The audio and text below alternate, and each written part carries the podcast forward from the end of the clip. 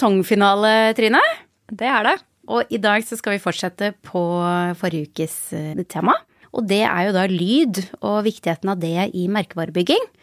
Og vi har fått med oss en, eh, en, gjest i dag, og han skal du få lov å introdusere litt. Men først så skal jeg si, som vi alltid sier, jeg heter Trine Kolbjørnsen, og jeg er hun lave i bildet, og jeg er veldig god på B2B.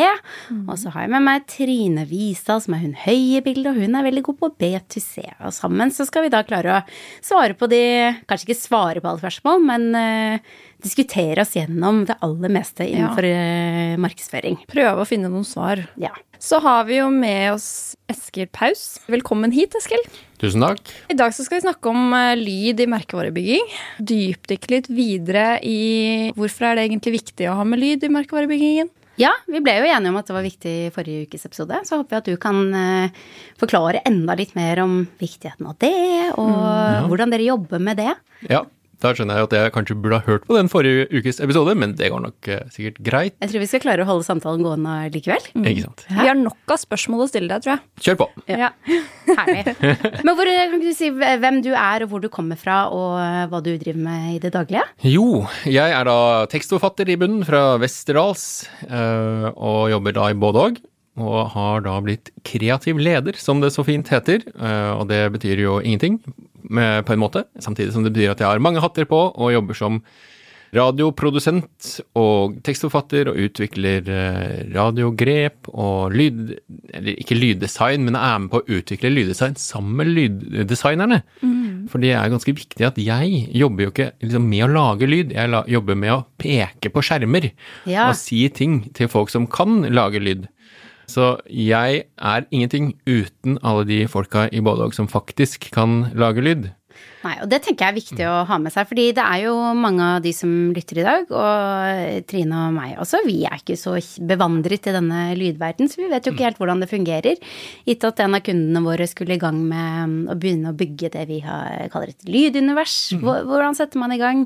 Vi skal ha noe radioreklame, hva gjør man da? Altså, det er mange spørsmål vi, vi har i, i dag. Mm. mm. Hvordan setter setter man i gang. Eh, man sitter der eh, som bedrift, funnet ut man har det visuelle på plass. Man har kanskje en merkevare satt eh, mm. som beskriver hvem man skal være og hvordan man skal oppføre seg. Og så tenker man nei, nå må vi i gang med reklame. Hva, hva gjør man da? Altså vi har to liksom, hovedløp, kan du si. Og den ene er da med direktekunder, og den andre er mot byråkunder. Det er liksom de to hovedkategoriene innenfor radioreklame. Og begge to er på en måte sikkert like interessante i rommet her, så jeg kan jo forklare begge. Det er ikke så store forskjeller, men med en direktekunde så har vi jo kundekontakt. Mm. Og da starter vi alltid med et kundemøte. Eller brifmøte, som vi kaller det. Jeg var eh, akkurat på et sånt møte, faktisk, mm. hos et mediebyrå. Så det er også sånn derre Som hadde en kunde som har lyst på radio. Så da ikke sant, så det er alltid sånn forskjellige innganger. Eh, så da satt vi sammen med mediebyrået og kunden, og så snakker vi hva, hva, Og da spør vi liksom hva vil dere, og hvem er dere? Alt mulig fra liksom hvordan hun beskriver eh, bedriften sin til eh, tante Henriette på et bryllup, til liksom hva som er deres innerste problemer, men helst innenfor bedriftens rammer, da. Ja, det er jo kanskje greit å holde seg Noen ganger litt lenger òg, mm. fordi iallfall i min bok så tenker jeg at du veit aldri hvor den lille ideen dukker opp. Og det kan være noe disse kundene sier som de ikke vet selv at trigger noe. Så vi er veldig sånn derre ørene på stilk og bare la kunden snakke så mye som mulig om produktet sitt, om problemene sine, om mulighetene, som jo problemer heter, osv., osv. Og, og så prøver vi å kryste ut måte, et uh, hva skal si, konsentrat av det møtet som sier dette er uh, hvor kunden ønsker å gå. Um, Hvem er det som er med i et sånn typisk møte? Og Det er da en kreativ fra oss og en konsulent fra oss. Okay. Så da ett på en måte administrativt tallhode eh, som har litt sånn strategi osv. i grunnen, og så har vi en kreatør som på en måte skal prøve å ha så lite som mulig av det, da. Eh, og så har vi jo litt forskjellige typer mennesker på jobb, så i hvert fall finne en bra balanse mellom de to. Og så få så mye som mulig inn. Det er bare samling, innsamlingsmøte. Og så tar vi med alt hjem, og så prøver vi å konsentrere enda mer. Lager vi en konsentrert brief som er sånn Dette er oppgaven. Og jo bedre ramme, jo lettere er det å jobbe på. Og så har vi tre, fire, fem tekstforfattere som jobber på både og. Og så får alle den brifen. Og så er det Vi har en sånn slags regel om at minst to-tre stykker skal være med på å skrive på det, sånn at vi i hvert fall får skrevet ja, mellom tre og fem uttak da, på den brifen. Og vi er jo da alltid ute etter å lage det gode eh, radiokonseptet. Det er liksom stjernen. Det er dit vi strekker oss, fordi vi mener at det gode radiokonseptet, det er det som lever best på radio. Så tenker vi at eh, vi må hjelpe kunden til å komme på lufta og bli der. Og det er ikke bare fordi vi tenker for da får vi mer produksjon. Det er nok fordi vi, eller jeg iallfall, tror på at det er den beste investeringen, da. Men øh, hva er det gode radioprosjektet, da? Hva tenker dere når dere Ok, dette, dette var det gode, det var det vi var ute etter. Hva definerer det, på en måte? Det skal jeg komme tilbake til. Ja. Fordi nå skal jeg bare ta ferdig den tidslinjen, for det er jo et stort spørsmål. Det, det er det største spørsmålet. Ja. Og jeg kan med en gang si at det vet jeg ikke. Uh, Men, Søren heller, jeg trodde ja, vi skulle få svar på det. Jeg har ingen anelse.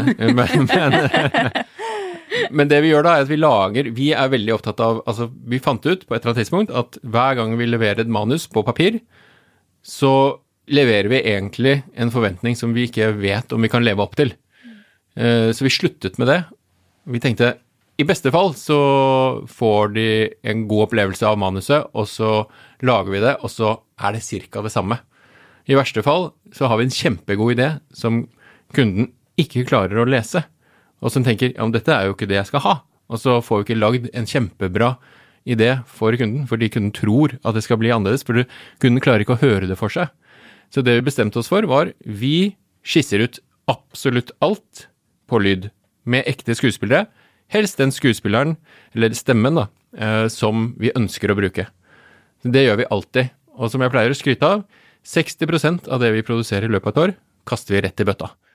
Oi, det er såpass, ja. Ja. Men eh, når du sier skisser lyd, altså jeg vet jo hvordan man skisser et bilde, og hvordan man skisser et, eh, en stil, for den saks skyld. Mm. Ja. Eh, Hvordan skisser man lyd? Skisse er nok et ord som på en måte betyr undertekst. Dette koster ingenting. Ta det med ro. Vi er bare på skissestadiet. Ja. Men for oss, som jo da på en måte bruker eh, den teksten vi har tenkt å bruke, og de skuespillerne vi har tenkt å bruke, og vet at hvis vi gjør det litt dårlig, så blir det jo eh, på en måte sjansen for at det kommer hjem dårligere, så pleier vi å gå ganske langt med å være tett opp mot sånn som vi tenker at det burde være. Så det er litt sånn eh, litt misvisende ord, så det er et godt poeng. Så dette handler mer om at i en skisserunde så er det ingen forpliktelser. Eh, her er det gode gamle no cure, no pay. Så det betyr at når vi da endelig møter kunden etter, ja, la oss si tre-fire uker etter dette brief-møtet, så spiller vi opp mellom tre og fem forskjellige konsepter med la oss si to-tre spotter i hvert konsept. Og det tar en times tid. Veldig hyggelig. Vi har kunden eh, med oss inn i sofaen i studio. Vi sitter og snakker om lyd i en time. Veldig ofte så går det fra å være skal vi på lufta til hvordan skal vi være på lufta. Og igjen, det er ikke for å lure eh, noen at vi gjør det, men det er bare for å endre mindset litt. For å vise dem at ja, dere kan være her, kanskje litt trygt, men helt fint, til her. Helt totalt crazy i deres hoder. Så da sitter vi der og diskuterer litt fram og tilbake, og så ender det veldig ofte med at de sier kan vi tenke litt på det? Og selvfølgelig kan de det. Så går det noen uker, og så har de tenkt litt på det. Og da har de gjerne valgt et grep, men med noen justeringer på ordlyd og sånne ting. For vi vet jo ikke, ikke sant, hva som akkurat nå var deres intensjon. Eh, Det er ikke noe stress. Vi gjør en ny innspilling. Ja, det vi også. Dette er bare Og igjen, det, det er derfor vi også kaller det skisser. Det er liksom Ja, det første var bare skissa, så nå Ja, må dere gjøre ja. det ordentlige opptaket. Jo, jo, ikke sant? Og, og da, nå er vi inne. Ok, så dere vil ha Ok, men hva vil hva vil dere ha? Hva vil dere si? Eh, ikke sant? Så gjør vi om litt på teksten. mhm. Og så er det ofte at de vil ha Men vi likte veldig godt den eh, stemmen i den andre. Kan vi bruke den stemmen? Og så videre. Så er det litt sånn Lego. Setter vi sammen et litt nytt konsept, og så spiller vi inn det. Og da er vi gjerne med oss kunden i studio. De får opplevelsen av å liksom være med og kunne ha deltakelse og eierskap og alt sånne ting. Og så blir det ofte litt bedre gjennom den prosessen. Så vi får liksom flere filtre. Og det er jo en ting vi snakker mye om uh, når vi sammenligner med reklamebyråprosessen. Fordi når vi har et direkte byråprosess, så har vi jo en prosess som er på en måte uten mellomledd. Og det kan sikkert virke, virke veldig fristende for mange kunder, men jeg tror man får veldig mye igjen. Og nå høres det ut som jeg snakker reklamebyråene sin sak. Er ikke, jeg har ikke noen agenda her, men uh, jeg legger merke til at når det kommer da byråjobber, da går jo vi fra å være på en måte reklamebyrå slash produksjonsbyrå til å være underleverandør til eh, reklamebyrået. Sant? Så da har de allerede jobbet lang tid, og de har presentert eh, manus og idé, og kanskje en del av en større kampanje og alt sånn. Og så sier kunden til reklamebyrået nå ønsker vi å lage radio på dette her. Og så velger de lydbyrå. Så kommer de f.eks. da til både og og sier vi vil lage radio på dette. Og da er det jo på en måte utfordringen i mye større grad enn å tenke strategi og tekst og idé, og, og tenke produksjon. Så hvordan skal dette høres ut? Og det er veldig sånn merkevareavtrykk og sånne ting. Hvilken stemme skal vi bruke? Kjempeviktig. Skal vi lage noe lyddesign? Er det noen tilbakemeldinger vi som lydmiljø kan gi på dette? Som, er det noen åpenbare ting som ikke funker her? Er det noe som Ikke sant? Så da får dere på en måte full fokus på det som har med lyden å gjøre, da. Da går jeg fra å være på en måte tekstforfatter til å bli produsent slash regissør. Så det er liksom to litt forskjellige roller man har. Men det Hva er, vil du si for største for, eh, altså forskjell mellom de to? det er ganske likt, eh, og jeg vil jo ikke sette de opp mot hverandre i og for seg, for eh, hver har sin fordel, men jeg syns jo ofte det som kommer fra reklamebyråene, har vært gjennom en større kvern, da. Så det er noen ganger at det kommer litt mer konsentrert ned til oss. Fordi der har du gjerne en byrårelasjon som har vart i en god stund. Det har blitt utarbeidet et stort strategiarbeid i forkant. Kreatørene har allerede vært inne i produksjon med kunden på mange andre flater, og de skal si akkurat denne ene tingen akkurat disse tre ukene. Eh, Mens direktekundene, når de kommer til oss, så kan det være mye mer sånn Vi lurer på om vi skal være på radio. Mye mer åpent. Ja, Mm. Hvordan gjør vi det? Sånn som på en måte dere sa nå. Ikke sant? Hvor begynner vi? Ja. Eh, Jeg Så tenker der, kanskje at eh, man må være en utrolig god bestiller for å komme direkte til dere, da. Eller at det da kanskje kan skli litt ut. Og så burde du kanskje kunne en del om lyd og hva du holder på med. Radioreklame. Kanskje i hvert fall gjort det før. Ja, øh, det kan hende det. Det kan hende. Vi har jo noen gode caser hvor vi har fått øh, folk direkte på døra. Og de to beste casene er veldig kjente også, og folk er sikkert litt lei av å høre på dem. Men allikevel så er det noe med dem som gjør at man også alltid er litt spent på hva neste blir. Og det er da Blåkleder, som vi, jeg tror vi begynte i 2008 eller 2009, og Right Price Tiles. Ja. Så begge to er direktekunder, og ref liksom eh, om du trenger å kunne mye. Jeg tror uansett, ja, når du kjøper reklame, så må du ha litt stamina og litt mot, eh, og tørre å gå for noe du bare tror på, som ikke er gjennomtestet og alt det der. Der sier du noe, du Dette ordet stamina, det er litt eh, Det har jeg lyst til å snakke litt mer om. Eh, fordi eh, en av tingene som vi har diskutert hos oss, og, eh, som jeg diskuterte en del med mine kollegaer etter å ha vært på merkevaredagen, var dette med, med stamina og det å holde ut. Fordi det er veldig mange som blir veldig lei av sitt eget både lydbilde, men også visuelle eh, design. Og de blir sånn lei av seg sjæl. Det med stamina, det skjønte jeg at i hvert fall i din verden er ganske viktig. Å kunne stå i eh, et lydbilde i et lengre løp. Vi snakket i forrige episode om Hurtigruta Carglass, og at jeg kjøpte noe fra de etter 20 år. Og viktigheten av det. eh, Du nevnte jo også dette med bygg eh, babompi-bom. Det snakket vi om eh, forrige gang. Byggmaker. De var borte en stund, de. Mm. Var, ja, jeg kan ikke det caset så godt, eh, for det, jeg har ikke laget det, eller jeg har ikke vært i nærheten av det. Men eh, jeg har vært på mm, en sånn P4-frokost hvor jeg fikk det presentert av Try.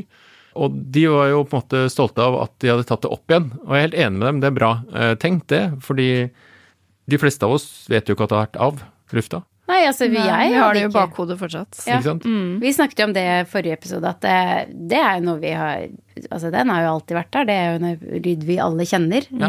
Når man sier babompi-bom, så vet man hva det er. Men at vi har da vært av lufta med den lyden i en del år, det er jo Det sier jo sitt. Ja, det, det er helt utrolig. Og det, det samme er det med blåkleder. Jeg tror de kjøper ganske lite radio i løpet av året.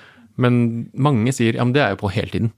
Ja, nettopp. Ja, jeg har inntrykk av at de er på hele tiden. Ikke sant? Ja, hører de veldig ofte. Eh, Og, det gjør, det, ikke sant? og da tenker jeg at de har fått veldig mye igjen da, for investeringen. De er relativt lange, tunge spotter, men de blir lagt merke til, og de fester seg til hukommelsen. Og de har et veldig tydelig lydbilde, lyddesign, som dere også var eh, nysgjerrige på. Og da gjør det veldig mye jobb. Det er mange som har kommet til og sagt at de har sett de filmene. Eh, Det har vi ikke laget. Nei. de har bilde av det i hodet, selv om de bare har hørt en lyd. Ja, Ja. Men en ting som jeg har lyst til å snakke litt mer om, er dette lydbildet som du nevnte, som vi er veldig interessert i. Mm. For radioreklame er jo Det er jo én ting. Mm. Men man har jo Man kan jo lage et eh, lydbilde, og du Da vi snakket sammen tidligere, så nevnte du at på tidlig 2000-tallet så snakket man mye om eh, lydstrategi, var det det? Nei, hva var det du kalte det? Altså både og eh, før jeg eh, kom inn i bildet, hadde noe som het strategisk lyddesign. Ja. Mm. Som skulle gjøre at de skilte seg som fra de andre da, med en sånn, et type produkt. Og der tenkte de jo godt, syns jeg, og skulle lage noe som på en måte tilsvarte designmanualen, da. Mm. Eller skulle være en del av en designmanual. Den gang så var det sånn ok, alle skal eh, drive merkevarebygging, og vi skal ha full designmanual, og alt du gjør er markedsføring, ikke sant. Det var sånne mantraer der ute. Og det var sikkert sånn tidligere også, men det var da jeg kom inn i verden, denne verden, i hvert fall. Og la merke til at eh, man kunne være bevisst på absolutt alt man gjorde, da, alle flater overalt i en bedrift hvordan man snakket til og med. Alt fra hvordan man oppførte seg til hvordan utgangsdøra så ut, var markedsføring. Ja. Men lyd var ikke med, Nei, nettopp. ikke sant? Så lyd hadde blitt glemt. Ja. Og det tror jeg var der både Dere så det hullet i markedet, på en måte. Ja, og jeg tror det hullet fortsatt er der. Jeg tror vi er på vei inn i å måtte ta i bruk eh, Jeg tror kanskje dere må børste støv av det produktet, rett og slett. Fordi jeg har en kunde som jeg jobber med nå, og gitt at vi ser at det blir fornuftig å skape et lydunivers, så jeg ville aldri satt i gang med en eh, radioreklame uten å ha noe forhold til hva skal inn i dette lyduniverset? Hvor kan man støte på lyder andre steder i kundereisen? Eh, Komme inn på kontoret, hva slags ringeklokkelyd, altså omtrent på det nivået. Du, fordi du skaper en, et emosjonelt bånd som er så viktig med kundene dine. Og hvis du trår feil i noen steder av denne eh, kundereisen og merkevarereisen, så tror jeg det Du, du mister noe litt konkurransefortrinn, og det blir sånn halvveis. Eh, så jeg heier på at dere tar opp dette produktet på ny. Men samtidig så må man få lov til å begynne et sted. Og da jeg synes Ja. vi kan ikke dra det så langt at ikke du kan begynne med radioreklame hvis ikke du har tenkt på ringeklokkdøra på kontoret. nei, ditt, ok, liksom. det var Så- kanskje å dra den litt langt, da, Ja, men, jeg tenker eh, det, man må starte et sted òg. Det man skal få lov å starte et sted. Men er, jeg tenker det er, det er fint, og hvis man er i gang, da, kanskje man skal tenke neste steg, da, eh, Ja. på de, de neste elementene. Dette som vi så pent kalte sonic branding. Ikke sant? Ja, det er jo veldig kult å tenke på. eh, Og eksempel bilbransjen er veldig god på lyd. Mm. Det er en ting man ikke har tenkt så mye på. Og så kom elbilen igjen, og da ble det litt sånn ny giv der. Fordi de lager jo til og med lyd for at bilene skal høres skal en bil. høres. Jo, jo, ikke sant. Det er sånne ting, Ja. da. Så lyddesign er veldig aktuelt, og blir jo satset på veldig der. Og bare den hvor, altså lyden av hvordan døren skal gå igjen. Det er helt på et sånn detaljnivå. Og det vet noen at har mye å si for opplevelsen av kvalitet. Kjempekult. Det vi ofte opplever, er sånn Ja, selvfølgelig, vi lager gjerne lyddesign. Vi lager eh, lydlogo, vi kan lage profilerende lyd, alt mulig. Men det går veldig ofte på økonomien i det. Ja. For når de da blir presentert for liksom en kostnad, så blir det ofte sånn Ja, vi begynner med radioreklame, vi. Ja. Og så ser vi han. Eh, Og det er jo en grei mellomløsning, tenker jeg. Fordi tross alt så blir det sånn som i ja, de to nevnte casene, da, eh, Blåkleder og Right Price Tiles, så er det jo på en måte stemmene som er eh, lyddesignen i disse to. Så Fridtjof Saaheim, da, som bærer blåkledergrepet, han er veldig blåkleder. Og så er det en musikk der som er veldig blåkleder. Så over tid så har det blitt en design. Det er litt sånn høna eller egget, og det samme med, ja, med mange enkle grep. Jeg tror det mm, ja, Kanskje jeg ikke skal være så bastant på at man må bygge dette lyduniverset fra start, men i hvert fall ha et forhold til hva er det som mm, gjør ditt eh, lydavtrykk, kan man kalle det det? Er det den stemmen, eller er det de tonene, eller er det Ja, så kanskje være klar over mulighetene som finnes det, da. Hva du faktisk kan bruke det til. Jeg tenker iallfall et veldig godt sted er å starte med å investere penger i en lydlogo. For den kan du bruke mange steder. når du sier lydlogo, hva, hva mener du da? Ja, da mener jeg liksom bare bom da. Det er gjerne sånn tre toner. etter hverandre på en eller annen fiks måte. Et eller annet som fester seg i hjernen, som er kjapt og snappy, som du kan feste på radio, på TV, på web eh, i og for seg. Du kan ha den med i, eh, på julebordet, eh, presentasjoner. Det er veldig anvendelig, liten, kort greie som du slipper å liksom bruke veldig mye tid på og er vanskelig å finne plass til. Ja. Er det sånn man kan ringe dere og si hei, jeg vil gjerne ha én lydlogo, og så lager dere det? Ja. Hvor lang tid tar det å få på plass? Nei, vi gjør jo gjerne dette i den samme prosessen, da. Ikke sant? Så i dette briefmøtet så spør vi jo gjerne vil dere høre et forslag på lyddesign. Så sier vi ok, men da lager vi det. Ja. Men hvordan er den? For det er jeg litt sånn nysgjerrig på. For jeg jobber også med en kunde nå som Den merkevaren er ganske ny, så de vurderer nå på en måte ok, kanskje vi har nå kommet til et steg at vi må få en lydlogo. Og da mm, har jeg foreslått da, at de går til et selskap som dere eller andre lignende for å få hjelp til det, da. Ja. Og de har en ganske eh, stor markedsavdeling, og det er eh, mange meninger, på en måte. Så når dere da sender på en måte ok, her er det det vi foreslår kan være lydlogoen.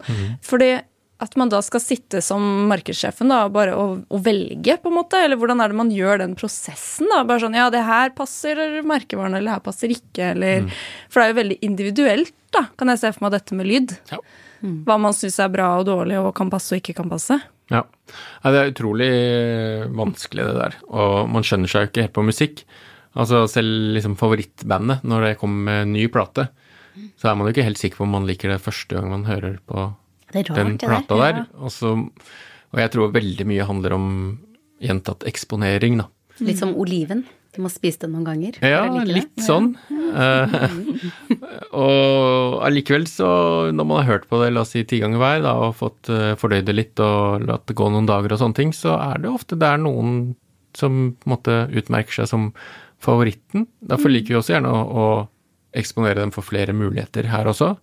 Man sier som her. Og så er det noen verdier man kan liksom tilegne. Denne er litt sånn mollstemt, øh, men øh, vakker. Den er lystig øh, og spretten, osv. og så videre. Hvem har det lyst til å være, da? Eh, og så er jo da det som du spurte om for en del minutter siden. eh, hvordan lager man god radioreklame? Og det samme gjelder for lyddesign. jeg tenker altså, det, er, det er jo ikke noen eh, oppskrift her, men man må i hvert fall ikke lage noe som ligner på noe annet. Altså man må stå ut, og gjerne med, på en positiv måte. Gjør noe ingen andre har gjort før, og vær original. Bli lagt merke til. Såpass må man i hvert fall kunne kreve. Jeg hadde lært et veldig godt spørsmål av en klokdame. Eh, og hun sa eh, jeg, For hun skulle rulle ut en merkevarestrategi i en organisasjon, og det var masse diskusjoner rundt det her. Masse meninger om fargen. Det så var rosa eller gul eller masse farger. Ja, men jeg liker ikke, og jeg syns ikke den er fin. Og da sa hun det spørsmålet det, det spiller egentlig ingen rolle hva du liker. Mm. det svarer det på bestilling. For svarer det på brief, svarer det på oppdraget. Hvis du gjør det, da er det, da er det det du skal gå for. Så det, kanskje man må øve litt på å fjerne seg fra det subjektive og ha en litt mer objektiv tilnærming også, som, som kunde. Jeg, i hvert fall, jeg fikk en litt sånn nytt blikk på det med, med profil og branding eh, da hun sa det. Så Ja. Det er et veldig godt spørsmål å stille seg. Det er veldig interessant, eh, og det der er jo en sånn ting som jeg som kreativ leder, som er veldig på da med våre kreatører, og det er litt flåsete ut, men det er, litt, det er lett å lage en reklame som en markedssjef, eller den som sitter i sofaen der, liker. Det er mye vanskeligere å lage en reklame som er bra for eh, markedssjefen. Ja, nettopp. Fordi å ha vært i samme rom noen ganger og liksom fått en følelse av hva som på en måte er eh, referanserammen da, til personen, så vet man jo også både bevisst og ubevisst sikkert eh, hva som treffer bra. Og da kan man jo bare være strategisk og lage reklame som treffer skikkelig midt i hjertet på den personen som sitter i sofaen der, men som ikke nødvendigvis gjør noe bra jobb for produktet. Ja. Og det er veldig, veldig, veldig viktig å skille de to der. Ja, nei, absolutt. Og også fordi det blir vel eh, stadig mer vanlig å gjøre effekttesting også, da, i etterkant av radioreklamer. Hvordan er det dere følger med på om ting fungerer? Er det målinger i etterkant, eller er det eh, Facebook Business Manager og analyse? Hvor er det man ser om ting fungerer? Vi måler jo på om folk kommer tilbake, da. Og det gjør jo mange av dem. Og eh, nå har vi jo da grep som har gått liksom i 14 år og sånn. Det tenker jeg jo Da har vi overlatt eh, det ansvaret til noen andre, men så lenge de kommer tilbake, så tenker jeg at eh, det funker. P4 Baur altså de er flinke til å gjøre målingene og følge opp kundene og holde på med det der. Mens det er, ikke, det er egentlig ikke vårt ansvar, sånn som jeg ser på det. Jeg mener at det, det vi gjør for å lage bra radioreklame, det er å lage noe som blir hørt, lagt merke til og likt.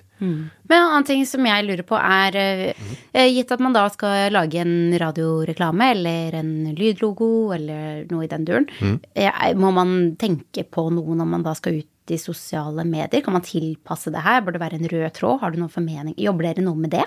Jeg er jo veldig fan av at ting hører sammen, og at uh, aktører gjør konsistente ting i overalt. Ref, liksom, hva er markedsføring? Så det lugger jo litt når la, eh, altså, Godt eksempel, vi lagde en radioreklame for en treningskjede som skulle da få inn nye medlemmer. Og så kjørte vi denne mange ganger, så veldig dårlig resultat, da.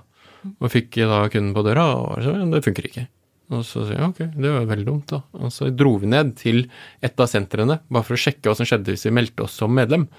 Og da var det fire stykker bak disken der, og ingen visste hvordan man registrerte nye medlemmer, og sa at vi bare måtte komme igjen en annen gang. Det var liksom helt oh, ja. Ikke sant? Ja. Da tenker jeg det er egentlig sånn, og da tenker jeg liksom, Det er en del av markedsføringen deres, da. Ikke sant? Eh, Du må ha folk på plass som møter meg der når man kommer inn døra. Eh, Så hvis disse tingene ikke henger sammen, så er det jo synd. Ja. Litt bortkasta. Og det samme er hvis du kommuniserer noe i en flate og noe annet i en annen flate. Og særlig hvis de to på en måte ikke er på lag, så er jo også det litt klønete. Ja. Hvis du kommuniserer det samme i begge flater, og de underbygger hverandre, så tenker jeg har fått det mye smartere og Ja, morsommere. det, det er jeg helt enig i. Altså, sånn sett er jo dere et produksjonsbyrå som leverer dere skal, så er det opp til kunden selv å passe på at eh, markedsføringsmiksen er riktig, og også at hele kundereisen er der den skal være. det må man forvente. Og så eh, når vi er inne på dette temaet med sosiale medier, så vet jo vi at man har ca. folk er jo ikke sånn, har ikke så veldig god eh, tålmodighet om dagen, så man har ca. åtte sekunder på seg til å fange og beholde folks oppmerksomhet. Mm. men de radioreklamene som jeg har hørt hos dere, mm. hørte meg gjennom alle på nettsiden. Er har du noen tanker om eh, hvor, altså, hva har man lov til i radioreklame? Ja, Bør man holde seg til åtte altså- sekunder, eller har man lengre oppmerksomhetstid eh, der? Eh, Altså det, igjen, det kommer helt an på hvor, hva er det du ønsker å si, hvordan. hvordan. Og det finnes ingen regel. Eh, Men eh, jeg tror ikke vi har så mange som ligger på ett minutt. Men det er nok eh, på en måte Da skal du ha god grunn til å gjøre det. Og da skal det være veldig interessant hele veien. Eh, Men eh, vi lager ofte 15 sekunder, på en måte. Vi har vært nede i 10 sekunder òg, men da blir det veldig, veldig kort og taktisk. Ja. Men så kommer det litt an på hva er det du ønsker å få til. Jeg tenker at du må ha litt tid for å gjøre et uh, inntrykk, da. Og så kan du eventuelt spe på med sånne korte taktiske budskap innimellom de, hvis du trenger eh, på en måte å få høy rotasjon og masse eksponering. Eh, Men um, jeg har ikke noe godt svar på det, for det, det er jo på en måte Det evige spørsmål er liksom hvor lang er en radioreklame? Har dere en typisk kunde dere jobber med? Nei, det, det er virkelig alt mulig rart, altså. Uh, Men uh, en sånn teori som har ridd høyt mange år, er den her at radio, det er håndverkerens medium. For det er de som hører på radio i løpet av dagen. Mm. Og det, det har jo liksom vært uh, en sånn et uh, liten sånn samtaletema, et samtaletema det mellom oss som var For plutselig så ble det liksom, kanskje på grunn av blåkleder igjen, nå snakker vi mye om det, men siden det liksom var til håndverkeren, og han Fridtjof er litt sånn røff og nedpå, så ble det plutselig etter hvert en sånn sannhet om at håndverkeren, det er en mann som er 40 til 55, eh, og litt sånn enkel og grov humor, og skal snakke litt sånn her, og litt rockemusikk. Ja, da treffer jeg en. Skikkelig Eh, tøffing. ja. Og det tenker jeg er eh, skivebom nå, iallfall. Så man må tenke litt lenger enn det, for det er ganske mange andre. Men det har iallfall blitt en kategori som er mye snakket om. Ja. Og så er det jo alle Det er ofte det kommer sånn Hvis én begynner, så kommer alle de andre. Altså bank og finans og låneting. Det er det veldig mye av plutselig. Og så kommer dagligvarehandelen, og da skal alle på, og så videre og så videre. Så det, jeg vet ikke, jeg føler Følger jo hverandre. Ja. Vi har i hvert fall ingen sånn vi er, vi er ikke spesialist på noe som helst. Vi er heller spesialist på alt. Er det noe som ikke Ja. bør inn i denne, gå denne veien? Nei, absolutt ikke. Nei. Nei. Nei, alt, alt er velkomment.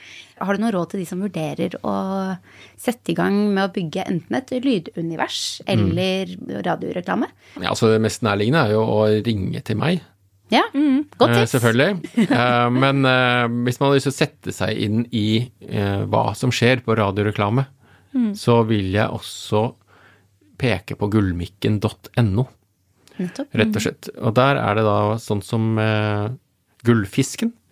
Månedlige kåringer. Månedens beste radiospot hver eneste måned. Så er det første, andre, tredjeplass. Masse, masse, masse radio som ligger uten med arkiv fra ned til 2002 eller noe. Hver eneste måned. Så der kan man høre seg litt opp på hva som har blitt gjort, da. Og gjøre seg opp litt mening om hva man liker selv og ikke, og kanskje se juryens begrunnelser, som da er av andre kreatører. Men jeg tror også at det er noe sånn fra markedssiden som sitter i juryen der. Det er noe litt forskjellig som stemmer i juryrommet, eh, som i hvert fall gir en god oversikt over hva som skjer. Jeg tenker det er et bra sted å begynne for å bli inspirert. Godt tips. Godt tips. Og så vil jeg jo tro, altså du startet jo å eh, beskrive prosessen, og da sa du jo altså mye handler vel om en god brief òg, eller fra kunden sin side. Ja, og så tenker jeg bare vær litt modig. Bare gjør noe som står ut. Tør å gjøre det. Ja. Modig og stamina. Ja, modig og stamina. Det tenker jeg er en veldig god takeaway. takeaway. Og siden dette er sesongavslutning, Ja. så tenker jeg kanskje det skal være de siste ordene. Mm, Vær si. modig og ha stamina. Ja. Takk for at du ble med oss på denne episoden, Eskil. Takk, veldig gøy å være her. Så høres vi igjen til høsten. Det gjør vi. Takk for denne sesongen.